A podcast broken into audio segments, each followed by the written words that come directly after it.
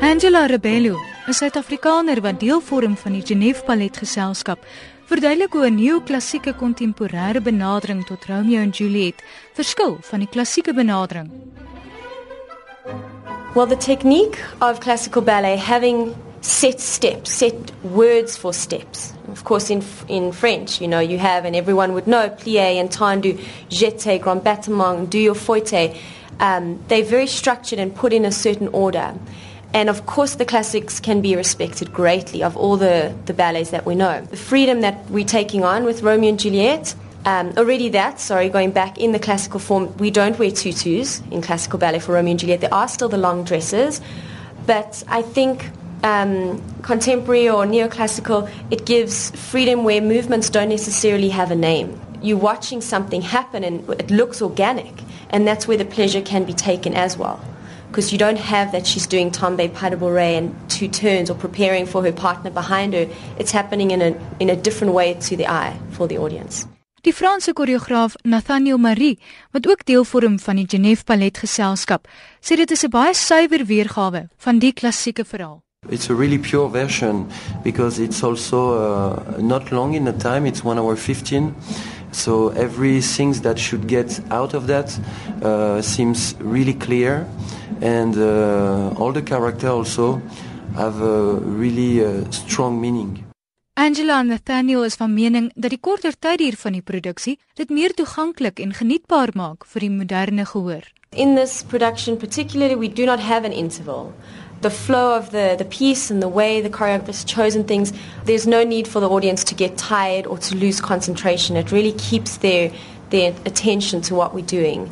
and also they don't have to struggle with trying to learn oh what is the storyline who's who because it is Romeo and Juliet and I think the joy of just the personality that are on stage connecting with the audience an hour and 15 minutes it's actually a pleasure to come and watch Nathaniel sê dat die kort tyd hier van die produksie 'n bewuslike besluit was van die regisseur Philip Cohen Any production he will choose, he don't want to make it heavy for the audience.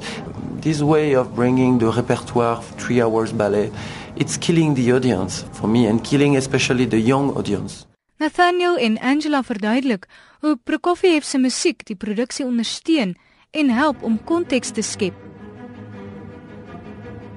There is many part in this music of Prokofiev that you can feel fatality. like all the trumpet actually brings um, gets so high so high so high and wait for the fatal, fatality of the death of mercutio and the death of tybalt so actually uh, in this ballet you can see appearing two clans the clan from romeo and the clan from juliet the capulet and the montague at these two points of the piece like the two fights when Mercutio is trying to intimidate Tybalt, so they get in a fight, and the music at this time really mean trivial fight. But, but the music of Prokofiev bring that so precisely.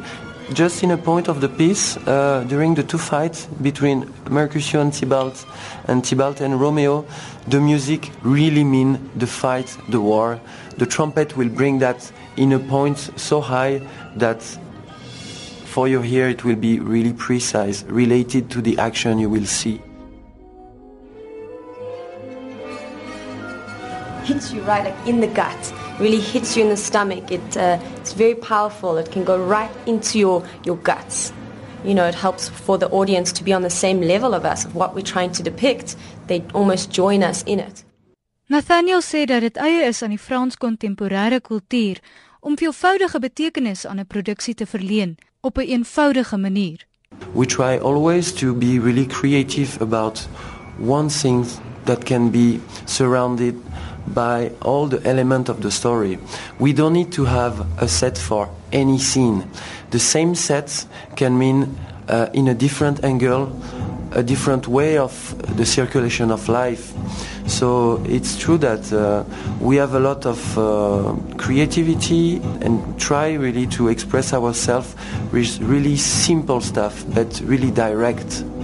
Now, the minimalistic, accorded to emotion, can mean so much and can be at the same time abstract. It's uh, something that you cannot really explain.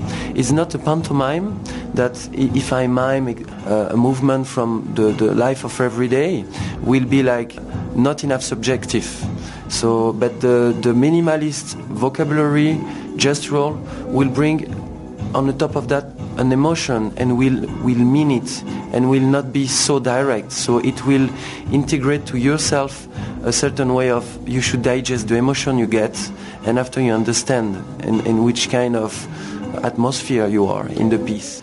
Our director uh, chose really to bring a revised repertoire. So it means that all the ballet that uh, really famous, like we say Midsummer Night Dreams, uh, Romeo and Juliet, uh, Cinderella, uh, Tristan Isolde. Philippe Cohen liked to readapt them choose like some uh, choreographer. Sometimes they're pretty young, so he give also chance to people to to take a chance, and they take risk. Actually, they take risk to bring a production, but in a new system of expressing yourself.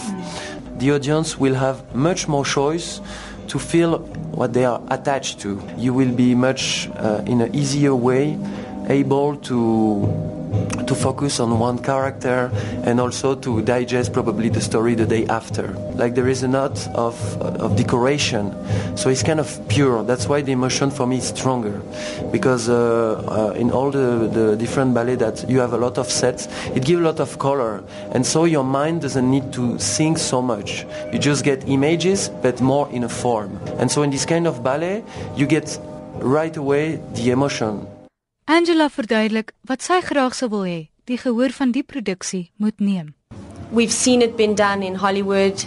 We've seen it be done just in a, the olden fashioned, you know, Shakespeare story.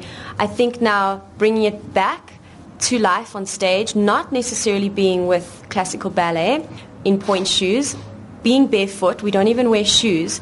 I think the audience will take away something that they can relate to now.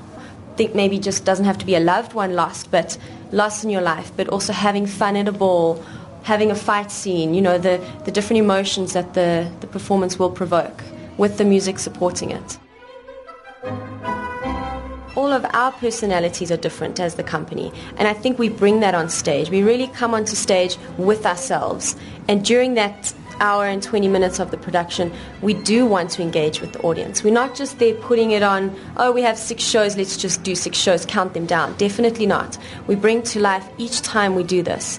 And full heartedly, we're on stage performing the movements that we need to. And I think that's why we want an audience. We want a full audience because that's the beauty of it. It is a, it's exchange. It really is.